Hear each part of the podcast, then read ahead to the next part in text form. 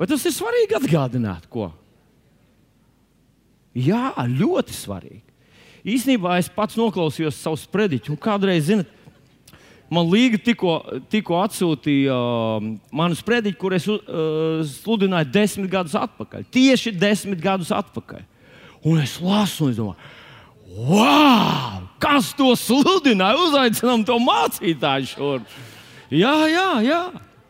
Mīļie draugi, es ticu, ka Dievs mūs būvē, un tas nozīmē, ka Viņš liek akmeni un tad liek nākošo uzstā iepriekšēji. Ja mēs tā kā zostēviņi pamostamies katru rītu un pasaule sākās pilnīgi no sākuma, tad, mīļie draugi, ar mums ir problēmas. Mums ir to, ko Dievs mums vienreiz iemācīja, mums pie tā jāturās un pie tā jāpaliek. Un tam jāliek klāt nākošās lietas, pareizi.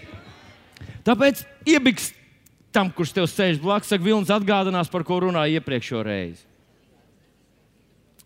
Iepriekšējā reizē mēs konstatējām, ka Bībele saka, ka Dievam patīk mūsu sadraudzība. Viņš ilgojās pēc tā. Ēdienas dārzā, kad tur rakstīts, Ādám, Dievs nesauc vienkārši Jāni, Pēteri. Ādam nozīmē cilvēku. Dievam patīk Tas ir senēbrēju vārds. Dievam patīk ar mums sadraudzība. Un tad mēs izlasījām atklāsmes grāmatā, ka mēs esam radīti Dieva priekam, baudai. Mēs sagādājam mūsu mīlestības vārdi, mūsu labie vārdi, mūsu atzīšanās mīlestībā, mūsu pielūgšana un slavēšana. Tā ir Dievam patīkama. Mums nevienmēr ir tā sajūta. Mums kādreiz liekas, es te dziedu, nu, vai ne? Nu, kad jums būs mazbērni, tie, kam jums nav mazbērni, jūs to nezināt. Vecāki man šķiet īsti to neizbauda. Bet, kad tu esi upis, un tev atnāk tāda maza meitenīte, un saka, es tevi mīlu, un tu zini, ka viņai o, mamma un teica ir iemācījuši to frāzi. Pasaki viņam, pasaki opim, viņš to grib dzirdēt. Un tad tu uzprasies un saki, iedod opim bučiņu, un viņa pienāk un uz pavēli iedod tev bučiņu. Ha! Tava opas sirds bija sasalusi veselu nedēļu, un tagad tā tikko atkusa. Saprotat, par ko? Tas ir kaut kas, un es domāju, ka kaut kas līdzīgs, varbūt daudz dziļāks, daudz svarīgāks. Nevēl 22. psalmā ir teikts, ka Dievs mīt savas tautas slavas dziesmās. Nevis gadu, Dievs, kur tu esi? Dievs, es visu laiku te esmu. Kur tu esi? Es tevi neredzu nu, mēs par to šodien runāsim taisni. Bet, kad tu saki, kungs, es mīlu tevi, es zinu, ka tu esi ar mani, es zinu, ka tu mīli mani, es zinu, ka tu man nekad neesi pametis. Es nejūtu tevi, bet zinu, ah, tas ir. Nu, Dieva goda tronis tur ir. Un tad mēs nobeidzām ar to galveno domu, ko es gribēju akcentēt. Un tā bija tāda otrā Timotejam, trešā nodaļa, 12. pāns. Jo visi, kas grib dievbijīgi dzīvot Kristu Jēzu, arī tiks vajāti. Ziniet, mūsdienās, piedodiet, es varu jums tuvāk pie, piekāpt. Es ceru, ka tas ne, ne, nenogāzīsies. Tas būtu joks, vai ne? Pum, salīst. Un, un, un es, ja es nokāpu zemē, tas būs savādāk kur es biju. Va, vajāt, jā. Mūsdienu kristietība saka, mums jābūt tik apaļiem un tik tādiem, nu, lai, lai nevienu neizaicinātu, lai viss justos labi. Tu esi atnācis, nu, kā, kā es dzirdēju, viens biskups, vienā es pieminēju iepriekšējā reizē, tajās, kur tik daudz izmisuši cilvēku, tur bija slimu cilvēku. Un tā vietā, lai viņi pateiktu, vispirms, kad Dievs nav jūsu slimības avots. Dievs nav jūsu bēdu avots. Tas nav viņš, tas nav sots par jūsu grēkiem. Tas nav tāpēc, ka jūs nebijāt nepilnīgi. Jūs bijāt nepilnīgi, bet tas nav Dieva sots. Un tad pateikt, ka Dievs jūs mīl un Viņš grib jums palīdzēt, Viņš sadarbosies ar jums. Un katru reizi, kad jūs meklējat izēju, Dievs jums cenšas palīdzēt. Un īstenībā ir viena izēja, un tas ir Jēzus Kristus. Viņa tas nu, mācītājs. Cerēsim, ka valsts piešķirs līdzekļus, cerēsim, ka jūs saņemsiet īstenībā atbilstošo to uh, iztiks minimumu. Nu, es saviem vārdiem, es vairs neatceros precīzi, bet tā doma viņai bija tāda, un cerēsim, ka būs labi. Nu, ko tad mēs citu varam darīt? Cerēsim, ka jūs neviens nenoraidīs, ka ģimenēs būs viss labi. Un mēs zinām, hei, nesaņems viņi. Nesaņems viņu. Un kāpēc nesaņems? Tāpēc, ka pat ja viņi daudz saņemt, ar to nebūs gana. Nu, nevar nauda, nevar mūs izārstēt. Mēs varam nopirkt zāles, bet mēs zinām, ir ļoti daudz slimību, kuras nevar izārstēt pat ar ļoti dārgām zālēm. Nu, labi, labākā palātā gulēšu, kad būs tās naudas vairāk. Bet tas nav tā atbilde. Un tad man bija drusciņš, drusciņ tas, tas drusciņ tad, tad neliels aizvainojums. Nu, Ebrejiem 4.12. rakstīts, jo Dieva vārds ir dzīves un spēcīgs un asāks par katru abēju pušu griezīgu zobenu un spiež dziļi iekšā, līdz kamēr pāršķirt dvēseli un garu locekli un smadzenes un domas ir prāta tiesnes. Un, manuprāt, Jē, par Jēzu mēs redzam, viņš nerunāja tādas apaļas runas, vai ne? Nu, vienmēr tur cilvēks sadusmojas, viņi zina, ārā kāds tur ir. Kas tu vien, kas tu tāds esi? Tu sev par Dievu dēlu uzskati un tā tālāk. Nu, manuprāt, mums ir jāsaka patiesība vienalga, vai tā patīk vai nepatīk. Mēs netiesājam cilvēkus. Mēs negribam viņiem lūgties, li, likt viņiem justies nevērtīgiem, necienīgiem, grēcīgiem. Mēs to negribam izdarīt. Taisnība otrādi. Mēs gribam pateikt, ka viņi ir ļoti svarīgi Dievam, dārgi Dievam. Un mums ir jāsaka patiesība, un tev ir jāsaka patiesība. Un tad es teicu tādu bīstamu frāzi. Tev nevajag, tev neviens nav, kas tevi kritizē, neviens par tevi neko sliktu nesaka. No, draugiņ, tu jau nedzīvo dievbijīgi. Kā tu, tu man nepazīsti? Pāvils tev pazīst. Viņš rakstīja, ka tas, kurš dzīvo dievbijīgi, kurš runā dievu vārdu, viņam būs opozīcija. Būs cilvēki, kas viņu kritizēs, kuriem viņš nepatiks. Halleluja! Bet, ja es teicu, ja viņi jūs vajā mana vārda dēļ, liku bēdu zem akmeņa, mani vajā Kristus dēļ. Ja tevi atlaid no darba, un tas nav tāpēc, ka tu esi slinks, ietiepīgs, nepaklausīgs, tev pašam galvas paciem, tu esi stūrgalvīgs, to sauc par stūrgalvību. Ka tev kaut ko likt darīt, bet tu saki, es zinu, viņi šodien lika rīta, teiks, lai atdara atpakaļ, es nedaru neko. Tā ir stūrgalvība. Ja tevi neatlaid tāpēc, bet atlaid tāpēc, ka tu kādam ārpus darba laika, savā privātā laikā pastāstīji par Jēzu, un kādam nelaimīgam pastāstīji, ka ir atbildi Jēzus Kristus, un tevi tāpēc atlaid no darba. Gaidu loteriju, gaidu maisu no debesīm, gaidu Santa Klausa ierodamies. Viņš visā pasaulē ne pie viena ne neatbrauks, bet te, pie tevis atbrauks. Tas ir tieši tas, ko Jēzus sacīja. Ja jūs vajā mana vārda dēļ, dejojiet, līksmojiet, tas ir kaut kas vienreizējs. Un mēs to esam pazaudējuši. Par to bija iepriekšējā svētdienā vārds. Šodien mēs runājam par ticību. Un rakstvietiņa, kur, ar kur mēs iesāksim Rēbrēju vēstulī, 10. nodaļa, 36. 35. pāns, piedodiet, ebrejiem 10, 35.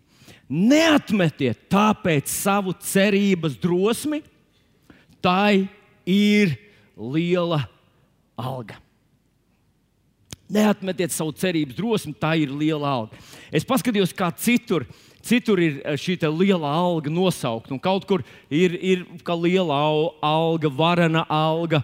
Uh, man patika, kā krievu tulkojumā bija rakstīts, liela balva.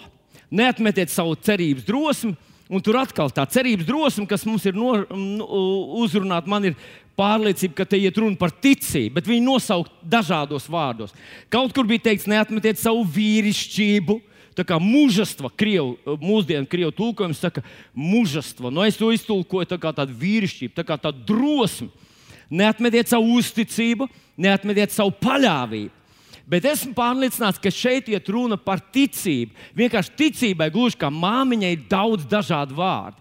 Jūs nevarat pateikt, ka māmiņa ir čakla. Ar to jūs neizteiksiet visu. Viņa ir mīļa, čakla, iejūtīga, sirsnīga. Ir, un tad mēs varētu likt visus vārdus klāt. Vēl sliktāk ir ar tēviem. Jūs pateiksiet, ka tēvs ir drosmīgs vai, vai stiprs. Jūs nepateiksiet neko, jo par tēvu ir vesela vesel grāmata sarakstīts, vesels bibliotekas sarakstīts par to, kādi tēvi ir. Viena sieviešu balss atskanēja kaut kur. Un tā izklausījās tāds īsti ticības balss. Bet, vīri, jūs man vismaz atbalstat drusciņu šorīt. Nu, va, jā. Nu, tā tad, kā es, kā es tas nākošais pāns man iedeva vēl lielāku drosmi teikt, ka te ir neatmetiet savu uh, ticības uh, cerību vai cerības drosmi. Jo tas nākošais pāns saka, jo jums vajag pacietības, lai dievu prātu darījuši, iemantotu apsolījumus. Kā mēs iemantojam apsolījumus? Mēs tos iemantojam caur ticību, protams. Bet, manuprāt, pacietība ir ticība ilgtermiņā. Tā ir ticība, kas, kas ir tādā nu, ilgā laika posmā. Tas ir kā maratons. Ticība ir maratons. Ja? Un nav nekad īsais sprintiņš uz 50 metriem, tu vari saņemties, noskrēji un, un, un rezultāts. Nē, ticība ir maratons vienmēr. Un viņš saka, neatmetiet savu cerības drosmi, neatmetiet savu ticību. Tā ir liela alga, vai tā ir liela balva. Liela balva. Nu, tagad, draugi, padomāsim mazliet. Mēs to lasām Bībelē. Un Bībele, kā mēs zinām, nav uzrakstīta priekš neticīgiem cilvēkiem. Bībele uzrakstīta priekš ticīgajiem. Bībele lasa ticīgie cilvēki. Mēs ar tevi lasām ticīgiem. Bībele. Vai ir jēga Bībelē rakstīt, neatmetiet savu ticību? Jo to taču lasa ticīgi cilvēki. Vai ir iespējams atmest ticību un vēl aizvien lasīt Bībeli. Vēl aizvien būt ticīgajam cilvēkam, es lieku pēdiņu šeit, vēl aizvien būt ticīgam cilvēkam. Vai ir iespējams man lasīt Bībeli, nākt uz dievkalpojumu, celt rokas, dziedāt līdzi šīs visas brīnišķīgās dziesmas, un nebūt ticībā, bet būt starp ticīgajiem cilvēkiem? Vai ir iespējams? Absolūti ir iespējams. Savādāk tas pants tur nebūtu uzrakstīts. Ir iespējams. Un vēl man gribētos teikt, ka kādreiz mēs nodomājam, ka ticība īsti nedarbojas, un mēs paturam tikai tās lietas, kas liekas mums darbojas.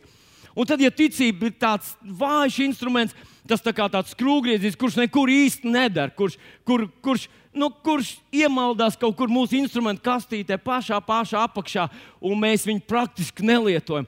Un tad šeit ir tas atgādinājums, hei, neaizmirstiet ticību, lietojiet ticību neno, nenovērtēt par zemu viņu. Viņa ir uh, svarīga, viņa ir ļoti, ļoti svarīga.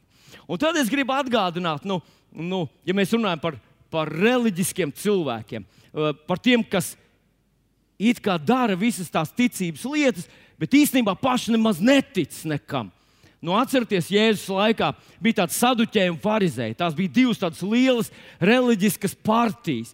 Un tur bija daudz līderu, kas izstrādāja veselu teoloģisku sistēmu, pamatojums, rakstīja grāmatas, sarakstīja bibliotekas, pamatojot to savu teoloģiju. Un beig beigās viņi, viņi vienīgie pilnībā nepazina, neatzina un nepieņēma mesiju, Dieva doto mesiju, par ko viņi zināja no galvas, visas tās rakstvietiņas. Un tie uh, faktiski viņi bija tie cilvēki, kas nolēma, nodeva Jēzu krustā sišanai. Tie bija kas? Tie bija reliģiski cilvēki. Un es priekš sevis tā ātrumā uzmetu tādu, nu, tā kā, gandrīz vai tā kā tādu apgalvojumu, drosmīgu apgalvojumu, ka tajā mirklī, kad ticība pāraug teoloģijā, un tā teoloģija kļūst profesionāla, nu, tā kā tādā ļoti augstā līmenī, tad ticība mirst.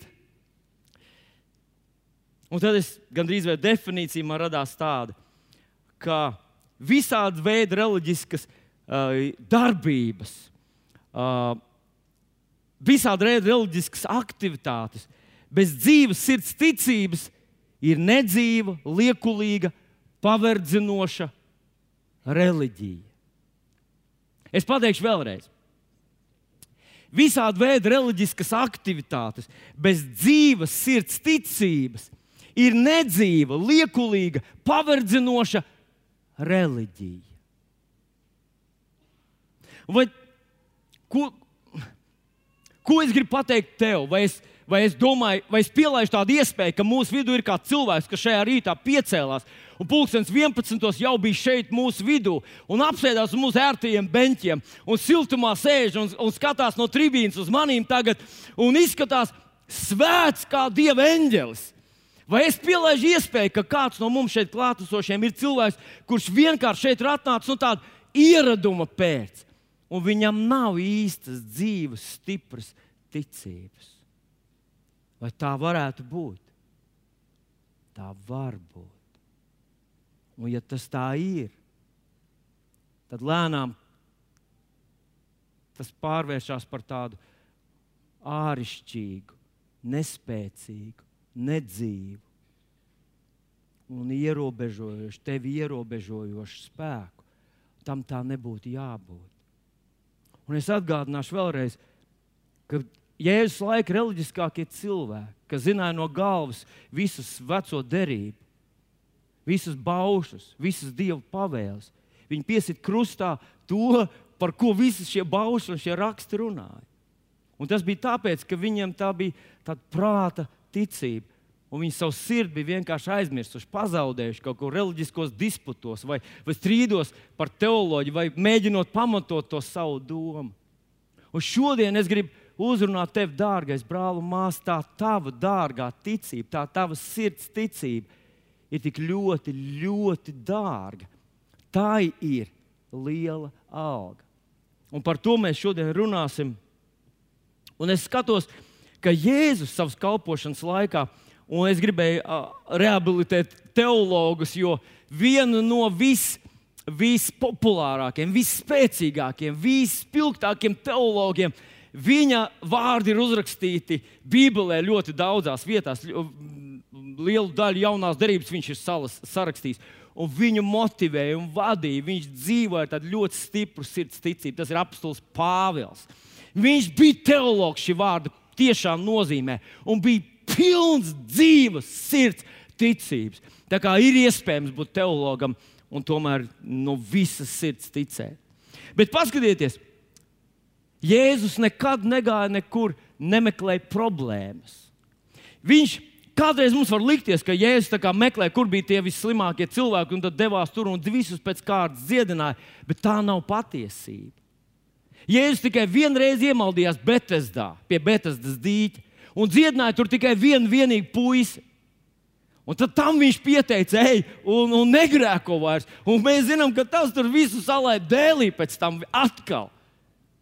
Un kas tad bija tie daudzie, kas pie Jēzus atnāca un kurus visus viņš dziedināja? Nu, ir, mums ir aprakstīti nedaudz no visiem tiem simtiem, varbūt pat tūkstošiem gadījumu, bet viņi ir aprakstīti, lai mēs saprastu, kā tas darbojās. Tie vienmēr bija cilvēki, kas atnāca un ticēja Jēzum.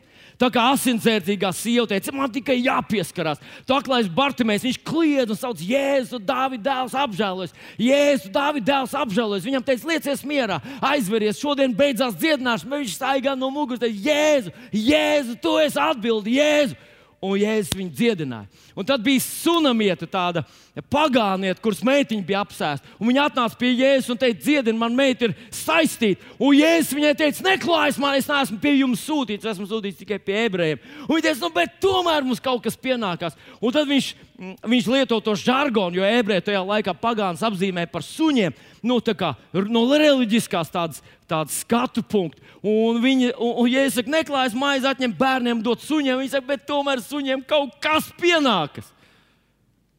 Jūs saprotat, par ko ir runa? Viņa, viņai bija tāda ticība, un tad, ja es saku, ak, sieva, tava ticība ir tik liela, lai tev notiek, kā tu gribi.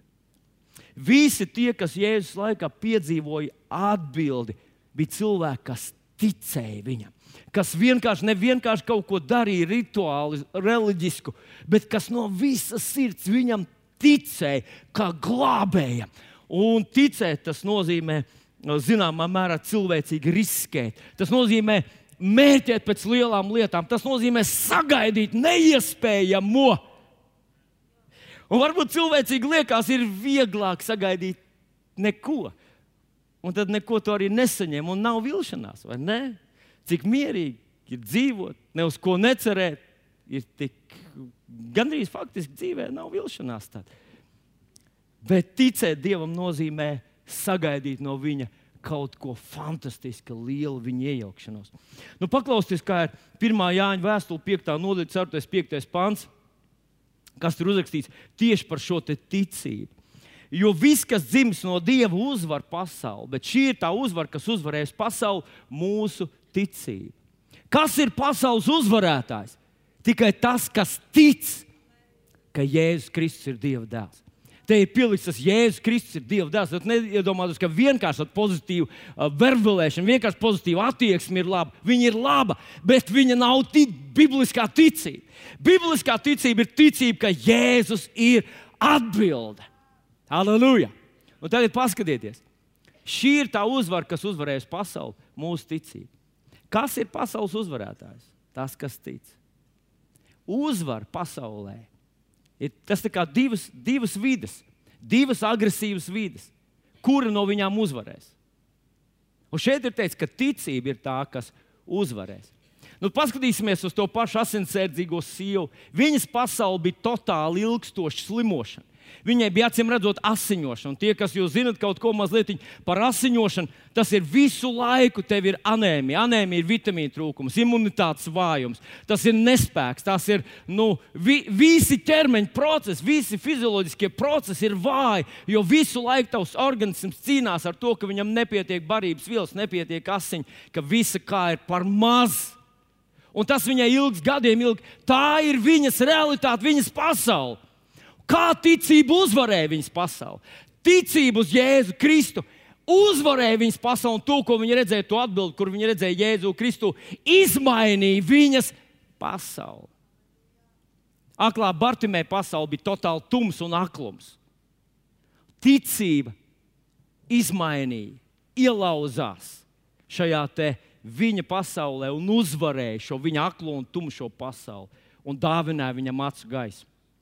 Es zinu, ka arī savā dzīvē tev, tu savā tajā dabīgajā uh, uh, pasaulē, tev ir problēmas. Un tajās problēmās mēs esam nespēcīgi. Mēs esam nevarīgi. Kādam tās ir pašapziņas problēmas, kādam iedzimtības problēmas, kādam grēka problēmas, kādam nabadzības problēmas, kādam kādas citas problēmas. Ir tikai viens veids, kā šo tavu pasauli, no kuras tu pats izrauties nevari, kā to var izmainīt. Tā ir ticība, sirds ticība kungam Jēzum Kristum. Un man šodienas mērķis ir tāds, lai tu novērtētu, iemīlētu, pieķertos, turētos dārgs, turētu dārgu savu sirds ticību. Viņai ir majestātiska, liela alga. Un, ja tu vienkārši pārvērtīsies par cilvēku, kurš no rīta ceļas, bija viņa palas Bībelī, aiziet svētdienu uz dievkalpojumu un tā tālāk, un tas, tas nevilks līdzi visu tavu personību, visu tavu sirdi, visu tavu paļaušanos tu paliksi bez algas. Un tas Dievs to tā nav gribējis. Mans otrs apgalvojums, kas ir ļoti svarīgs, kad mēs uh, gribam neatmest savu ticību, ir no 2. Pāvila vēstules korintiešiem 5. nodaļas 7. pāns. 2. korintiešiem 5, 7. Un tur rakstīts ļoti stipri vārdi, jo mēs dzīvojam ticībā un ne ticībā un ne Iebiks tam, kurš sēž tev blakus, neskatīšanā, pasakot, Lūdzu. Nu šeit mums jāizstāsta viens, eh, vien, eh, viena ilustrācija no mūsu dzīves.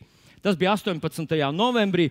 Mēs ar Līgu aizgājām uz mūsu uz krastmalu, um, uz uh, mūsu valsts karaspēka parādi. Un mēs jau domājam, nu, ko tur iet laicīgi. Tur laiks, kā jūs atceraties, nebija pārāk labs. Bija tāds uh, lietutiņš, mitrs, augsts. Nu, mēs domājam, atnāksim precīzi tad, kad šie sāks soļot, tad mēs būsim klāt. Nu, mēs atnācām, kad visi sāk soļot. Nu, vismaz tā runā, ka kaut kur sāk soļot. Jo, kad mēs atnācām, tur bija jūra ar cilvēkiem. Nebija iespējams neko tur neredzēt, ne tik klāt. No sākuma es gribēju lausties cauri pirmām rindām, jo pieredzi visu laiku sēdēt pirmajā rindā. Bet man sieva man nobremzēja un teica, mēs taču te pat varam. Mums priekšā bija apmēram pāris simti cilvēki. Mēs bijām tādā kalniņā, un tā uh, krastmā, pa kuriem maršēja mūsu um, bruņotie spēki, viņi kā drusku zemāk. Un faktiski, faktiski Mm, mēs bijām tajā tuvāk saules tiltam, jau tur, kur viss beidzās. Faktiski neko daudz mēs neredzējām. Nu, man ir labi, es esmu garš, bet līga ir maziņa. Viņa man teica, kas tur notiek, kas tur notiek, kas tur ir. Un es viņai stāstu to saviem augstumiem.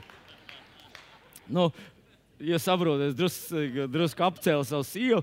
Uh, viņa teica, ka viņai nemaz tik ļoti neinteresē. Viņai patīk svaigā gaisā, viņa esot kopā ar savu tautu šeit un tā tālāk. Viņa svin Latvijas neatkarību.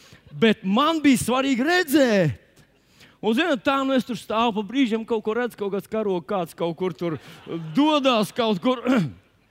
Un man apkārt vēl bija pāris simt cilvēku, tādi paši pamatā, visi latviešu runājoši, um, kuri Nu, arī neredz, bet atnākuši, nu kā ies mājā, tad vēl nav beidzies. Varbūt, ka pēkšņi nu, kaut ko pamanīs. Tur. Un tā mēs tur stāvam. Un sākās visi tādi jociņi. Kas tur tagad brauc? Nu, tanks brauc. O, visi saspringti tanks. Un redzam tikai pats virspusīt kaut kas tur un kaut, kaut, stāv virs nu, cepurē. O, jā, tankists. Jā, mūsu tanks, protams, uh, mums ir pašiem savs tanks, aleluja. Mēs esam nu, vareni. Jā. Labi, pēc tam nu, kaut kas klusums, kas, kas tur ir? Viss, kas tur ir? Kas tur ir? Nu, un tad sākās kāds, kaut kas līdzīgs tankam brauc, bet nav tanks. Kāds, kāds viņš izskatās? Kāds saka, viņam ir priekšā nu, tā, uh, stobrs. Kāds cits saka, tas nav stobrs, tas ir tālskats. pagaidi, bet. Uh, mums taču, e, vai tad tiešām būtu pielaiduši otru tanku? Un kāds saka, nu jā, tagad naudas vairāk nopirkuši akumulātoru otram tankam, tas arī pielaists. Mums ir divi tanki. Un, zinat, šajā jautrībā tur bija viens puisis ar, mazu, ar maziem bērniem, tāds inteliģents latviešu puisis, kurš perfekti visu zināja. Vai viņš ir no, no, no valsts drošības komitejas, es nezinu, kur. Viņš zināja, cik mums ir tanki un kā viņi ka tankus ved uz lafetēm, ka viņi pārāk smagi. Viņš tur nosauc, man liekas, vai, vai 40 tonnas viņi sver vai ko, ka viņus, viņi nevar braukt par, par to asfaltu. Un, un izjauca visu mūsu to jautrību. Nu, bet labi, ne, ar to nebeidzās, var sakot. Tā turpinājās tālāk. Tur brauc mašīnas ar krustiem. Nu, ar, ar krustiem. Kāds saka, redziet, kādi brīnumi mašīnām krustus pārvilkt, bet tomēr atdzīvinājuši viņus. Nu, kā, mūsu bruņoties spēki dara brīnums. Un tad, tad tur vēl viss kaut kas, tad, tur, kaut kas līdzīgs ar tādām kaut kādām mašīnām. Un kāds tur pajoko neveikli. Un tas puisis sāk aprakstīt, ka mums ir nopirkts tās, tās kas tie, kas skrien. Nē, nu, karavīri, kas ir. Nu, pihota krievis, kā ir latviešu. Kas? Ah, kā, tās ir kājnieku kaujas mašīnas, un tur var sakām, un cik viņas ātri var braukt, un cik ātri viņas var skri, šaut un tā tālāk. Un viņš pastāsta mums, ziniet, tādu objektīvu informāciju. Un te apkārt cilvēkiem noplaka uzreiz. Bet tad klusums, kas tur ir? Kas tur ir? Kāds saka, viens pulks iet garām. Bet, nu, mēs nedzirdam, vai tur nebūtu jādzird karavīrs. Un kāds saka, bet tie ir mūsu spiegi. Paskatieties! Paskatieties, viņi demonstrē, cik klusi viņi var piezakties klāt. un tas puisis, tas puisis atkal nu, iz, visu šo negatīvo jautrību izjauc. Viņš saka, mūsu karavīriem ir tāda apavi, tā ir tāda mīksta gumija, kur neslīd ne vasarā, ne ziemā. Viņu grūti taisīt to troksni. Es esmu dienējis padomju armijā. Mums bija plasmas zolis, un mēs gājām, un bum, bum. Bet bet tikko uzsala, tad mēs bijām kā pīlis uz ledus. Tas ir labākais veids, ja tev nav slīdes, dabū kāds vecs armijas zābaks. Ja. Un viņi slīd tā kā slēpjas, tikai slēpjas vienā virzienā, tie slīdēja uz visām pusēm. nu, kāpēc es jums to stāstu? Mēs bijām vieni, viena grupa, vienā valstī dzīvojam vienā valodā runājam, apmēram vienādi ģērbti, vienā vietā mēs visi stāvam. Bet var redzēt, ka mēs mūs baro divas dažādas informācijas sistēmas. Vieniem bija palicis atmiņā, ka mums ir viens tanks, un to otru nevar pielaist. Tam tur kaut kas ar aizdedz nav kārtībā. Tā brīžiem viņš iet, kad savs laiks, bet kad mitrs, tad nevar. Kāds tur teica, ka mums paskatījās uz mūsu onkuļiem, kāpēc viņi neceļ kāju. Viņi jau visi bārdaini staigā, tie veci vīri, ko jūs gribat. Viņi jau tur cilājās šeit, viņi vairs nevar. Nu, un tiešām viss paskatījās uz mūsu armijniekiem. Lielākā daļa bija bārdaini. Ja. Nu, es saprotu, ka viņi taupa. Tā bija NATO.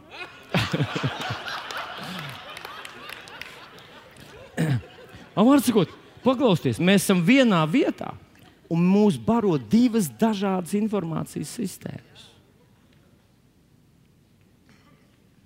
Un apelsīns Pāvils tieši par to runā, ka jūs dzīvojat vai nu ticībā, vai skatīšanā.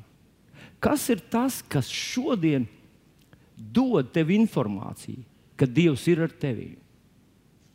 Kas tas ir?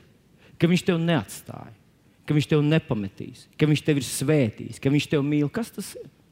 Vai tas ir tavs mak maka saturs, tavs kurpju zoļu biezums, tavs mašīnas izdošanas gads, tavs telefona modelis? Kas ir tas, kas tev dod to informāciju, ka Dievs tiešām tev palīdz? Viens brālis man stāstīja tādu piedzīvojumu. Viņš saka, mēs tā ticam, mēs paļāvāmies uz visu. Un, un viņš saka, skatos, vienā mēnesī man paliek bišķiņa pāri naudiņu otrā paliek pārbišķi naudu. Wow, man ir rezerve, slava Dievam, Dievs mūs svētīs, aleluja. Viņš jau pams pārsit riepu. Pārsit tā, ka caurums tā riepa nav derīga, nekam jāpērk jaunu. Un viņš saka, tas mans pierādījums, ka Dievs man svētī. Izkus. Vairs nav pierādījumu. Nu, Dievs, vai tu man mīli? Tu man svētī, Dievs. Man gribas kaut kādu tādu fizisku pierādījumu tam, ka Dievs tiešām ir ar maniem, ka Viņš man palīdz. Mana informācijas avots. Es gribu, lai Viņš man dod to pārliecību, ka tas tā tiešām ir. Manā dzīvē bija tāds, tāds spilgts piedzīvojums. Es atnācu no armijas, uh, es apprecēju līgumu, mums bija bērniņi, mums viss vis dzīvē pēc tā laika standartiem bija kārtībā. Un kaut kas tajās manās attiecībās ar Dievu man likās, ka tā kā, tā kā ir tāds apsīkums, tā kā tāds strupceļš. Un es no sava jauna, es ļoti daudz ko no Dieva saņēmis. Bet visā tajā savā tādā jauna puika nezināšanā, es vienu dienu pacēlu acis uz debesīm. Es atceros, mums bija tāds liels vilks suns, un es ar viņu staigāju pa čiekurkalnu. Un es teicu, Dievam, Dievs, paskaties, kas ar maniem notiek. Es palieku remdens. Vai tas ir viss, ko es esmu piedzīvojis, vai tas ir tas, kas tev ir? Vai tas ir tas, un, un man nav nekādas cerības gaidīt uz kaut ko vairāk. Un tad es teicu, viņam, Dievs, es tādā godīgā, naivā lūkšanā teicu, Dievs, es laikam vairs nespēju tā degt par tevi. Un zinot, kas notika nākošais? Es neatceros, vai tas notika momentāli, vai tas bija pēc kādām minūtēm. Pēkšņi no debesīm pār maniem nolaidās mākonis. Es neredzēju mākoni, bet es jūtu, ka mans ķermenis, man burtiski bija tāda drebuļa kratīja visu manu ķermeni. Tāda laimes sajūta, tāda dieva klātbūtnes apjaut. Viņa burtiski fiziskā veidā nolaidās par maniem. Un, un zinu, man acis iepletās. Un es sapratu, ka tā ir atbilde uz manu lūgšanu. Un es teicu, o, Dievs, tev ir kaut kas vairāk. Oh, un tas ilga, tas ilga diezgan ilgi. Es vairs neatceros, cik ilgi tas vai, vai bija stunda vai tā bija pusdiena.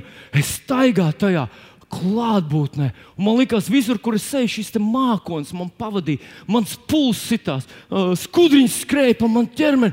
Un es, es, es domāju, laikam tā jūtās narkomāni, laikam tā jūtās tie cilvēki, kas ir ekstāzē.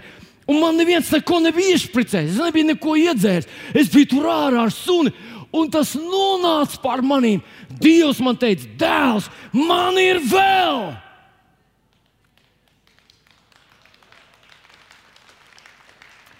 Pagaidiet mazliet. Un tā tas aizgāja.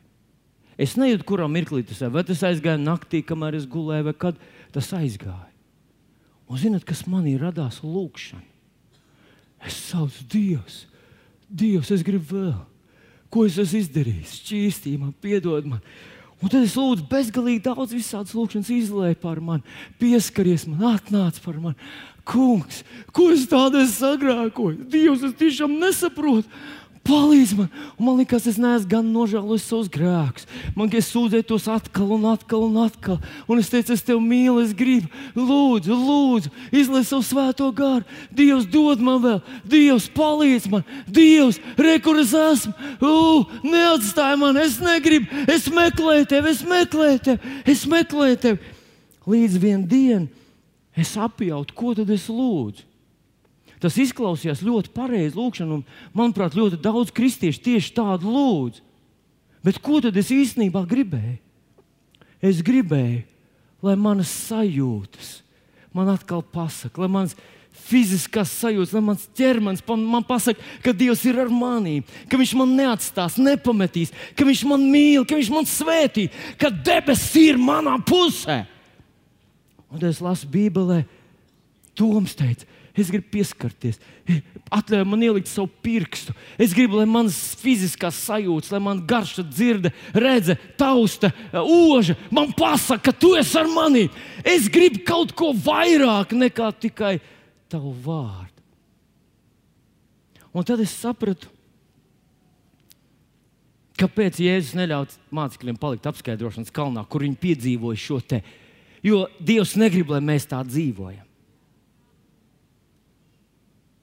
Viņš negrib, lai mēs tā dzīvojam, jo mūsu fiziskās sajūtas, mūsu ķermenis, viņš nevar mums nodot. Viņš nevar saprast vispār neko. To, kas notiek, ko Dievs mums grib dot, tas nav viņam tverams. Atcerieties, ko Jēzus atbildēja Tomam, kad viņš teica, es gribu pielikt savu, savu, savu pirkstu tavās rētās, un tad es ticēšu. Un viņš teica, tu esi ticējis, tāpēc, ka esi redzējis. Bet viņš saka, bet svētīgāk ir tie, kas neredz un tomēr tic. Neredz un tomēr tic. Un tomēr man liekas, ka, ka, tas, ka tas fiziskā tā sajūta, ka tas ir baisais arguments. Un tad es lasu Bībelē, ka tas galīgi nav. Nu, paklausieties 2. korintiešiem 5, 16, 17.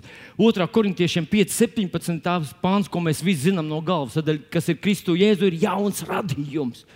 Bet tas jauns radījums, viņš runā pirms 16. pānta. Un 16. pāntā viņš saka, mēs nevienu vairs nepazīstam pēc miesas. Un viņš teica, ja mēs Kristu esam pazinuši pēc miesas, tad tagad vairs nepazīstam. Un, Un viņš saka, tādēļ, kas ir uh, tagad vairs nepazīstams, kas bijis, ir pagājis, redzēt, viss ir tapis jauns.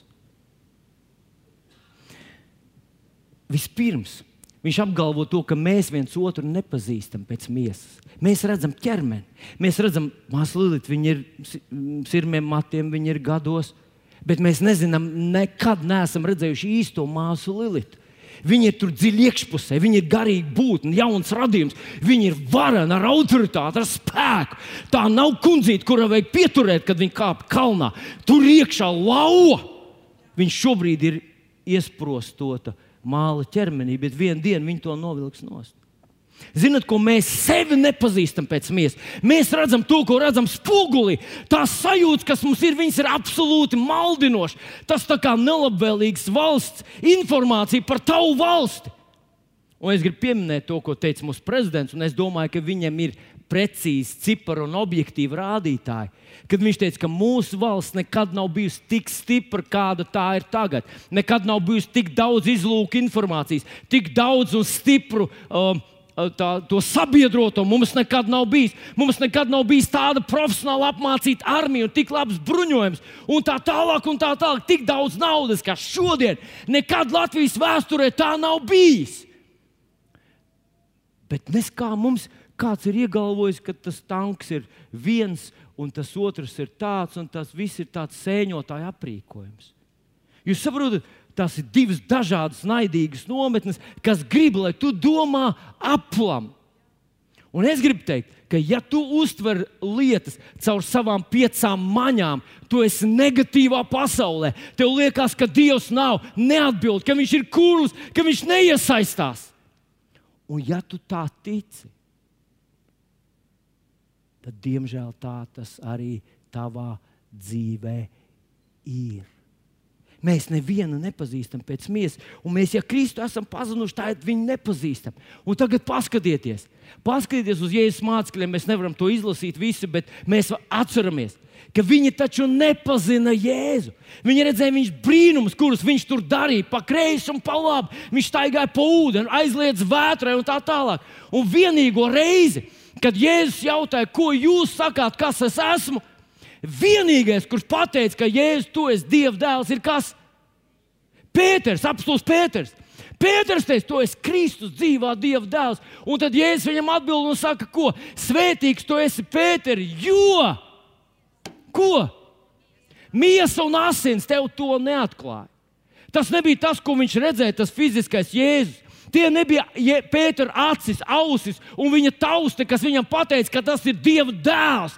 Viņš teica, bet mans tēvs, kas ir debesīs, tev to atklāja. Ziniet, ko mūsu ķermenis, mūsu piecas taustas, kuras mēs nu, noliekam gandrīz zinātniskā līmenī, ja es redzu, tad es ticu.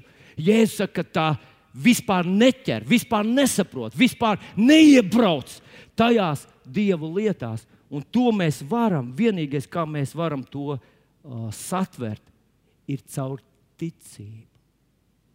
Dievu lietas, tas īstenās, pareizās, objektīvās lietas mēs satveram tikai un vienīgi caur ticību. Un ticība, kā mēs zinām no Romiešiem 10, 17, viņa ir no Dieva vārda dzirdēšanas. Tu dzirdi Dieva vārdu, un tevī radās sirds ticība.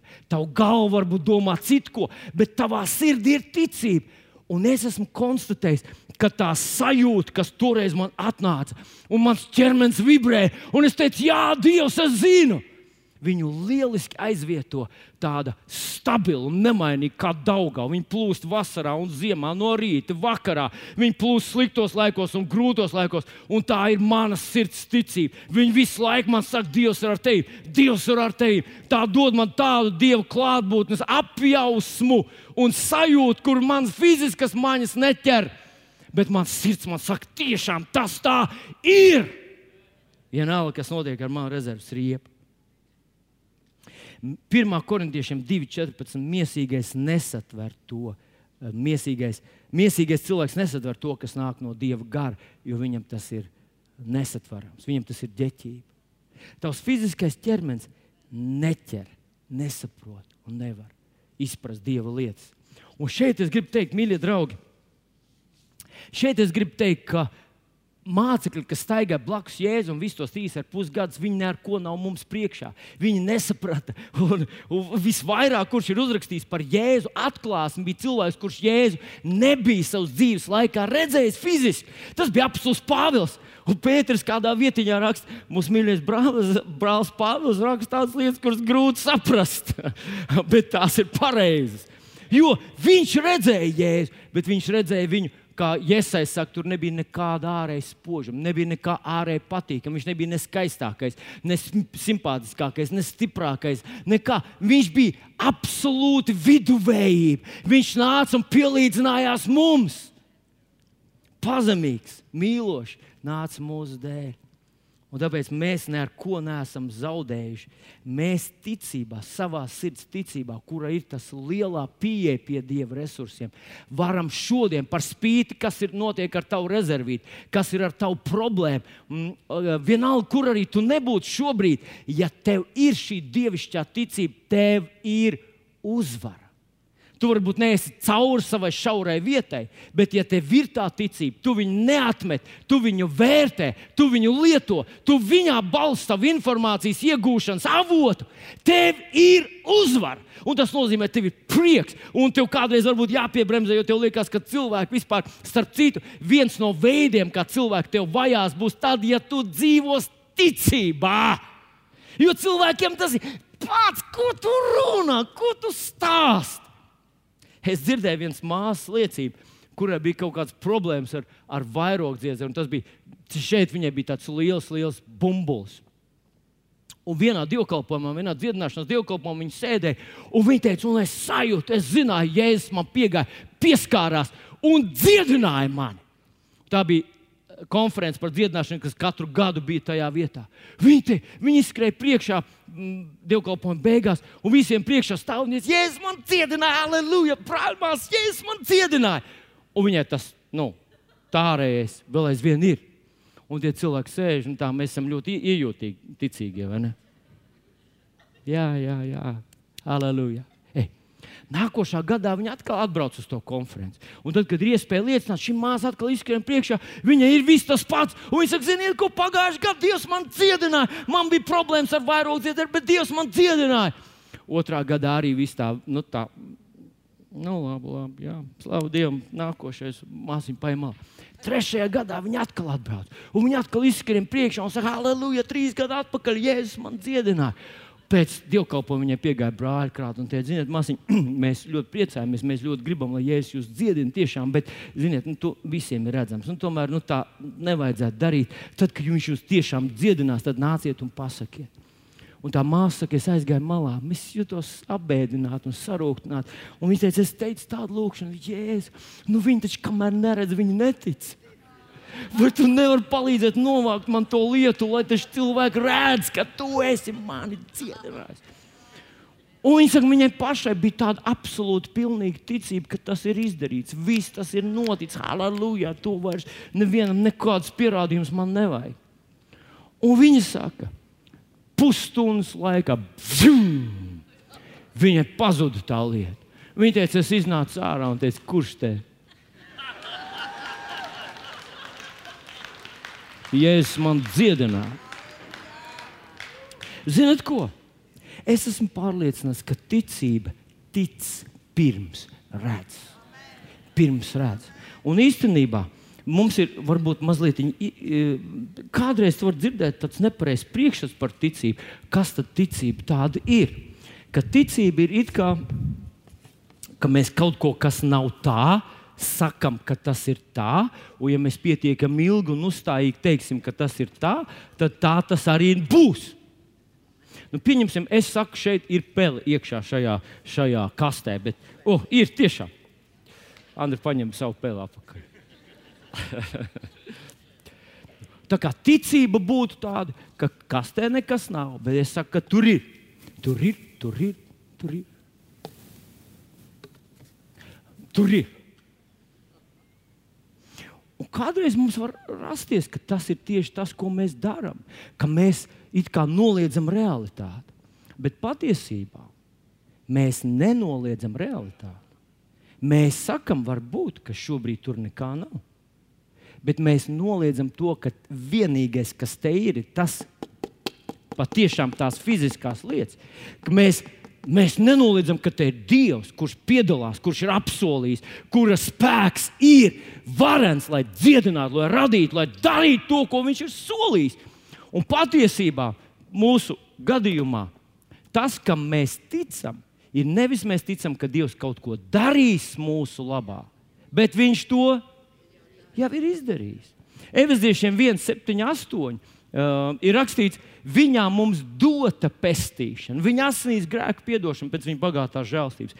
Tā jau ir dota. Mums nav ne par ko jātic.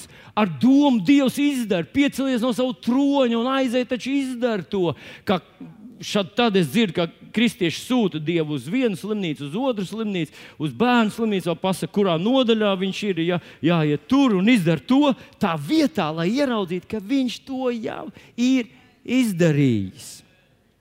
Nu, lūk, un te mēs pienākam pie pēdējā, pēdējā mana punkta šodien, un tas ir uh, no ebreju vēstures pirmās nodaļas. Ebreju vēstures pirmā nodaļa, ja jūs, ja jūs man neapvainotos un, un nenosūdzētu man uh, valsts likumiem, tad šodien šeit nebūs gandrīz uh, valsts valodas, jo es izkopēju to no King James. Un uh, bez šaubām Bez šaubām es ticu, ka ebrejiem 11.1. kā rakstīts mūsu Bībelītē, jo, stipra, jo ticība ir stipra paļaušanās lietām, kas cerams, viņš ir pareizs. Bet viņš vēl aizvien neizsaka visu to būtību. Un šeit es uzdrošinājos paņemt angļu teksta, King James, un pieliku dzelteniem burtiņiem savu tulkojumu. Un, ja kāds profesionāls tulks saka, ka es nepareizi iztulkoju, tad jūs varat pēc dievkalpojuma pienākt man un iz, izteikt savu pretenziju, un es to noteikti pieņemšu. Bet tas ir tas, kā es to iztulkoju. Tātad kas tad ir ticība pēc King James? Pēc King James ticība ir cerējumu lietu substance. Neredzamo lietu evidence vai evidence ir pierādījums. Nu, substance ir rekords. Galds ir šī, šī kancela ir substance, tas ir kaut kas reāls. Jo kādreiz mēs domājam, ka ticība ir pārliecība. Es domāju, ka stārta nes bērniņu. Nē, man pateica, ka stārta nenes bērniņu. Ah, nu tagad es ticu, ka, ka mamma nes bērniņu. Bet tā nav ticība. Ticība, kur mēs tā nomainām kā cimdus, tā nav ticība. Ticība ir kaut kas reāls. Un ticība ir substance lietām, kuras mēs ceram. Tas sākās ar tādu biklu cerību, bet tad tas pārtapa ticībā. Tātad ticība ir kaut kas absolūti īsts un reāls. Un otra lietiņa, ko es gribu, lai jūs ieraugat, uh, kā King James teica, tāda ticība ir neredzamo lietu pierādījums vai evidence. Nu, tie, kas jūs esat bijuši kādreiz skatījušies televizorā kādu, kādu uh, kriminālu filmu, kur viss nonāk līdz tiesai, tad tiesā ir zvērnāto žūriju, un tas pārkāpums varbūt notika pirms trīs gadiem, bet tagad tiesā tie advokāti atnes ko? Atnes pierādījumus. Teiksim, tas cilvēks saka, viņš tur nav bijis, ja? bet tad jurists atnes, re, kur ir viņa asins, um, uh, pirksts nospiedumi, viņa mats tur ir atrasts un, un vēl kaut kāds lietas. Tātad ir pierādījumi tam, ka tas, ko viņš atbal, tas, ko apgalvo pro, prokurors, piemēram, tas ir pareizi. Un ticība ir pierādījums.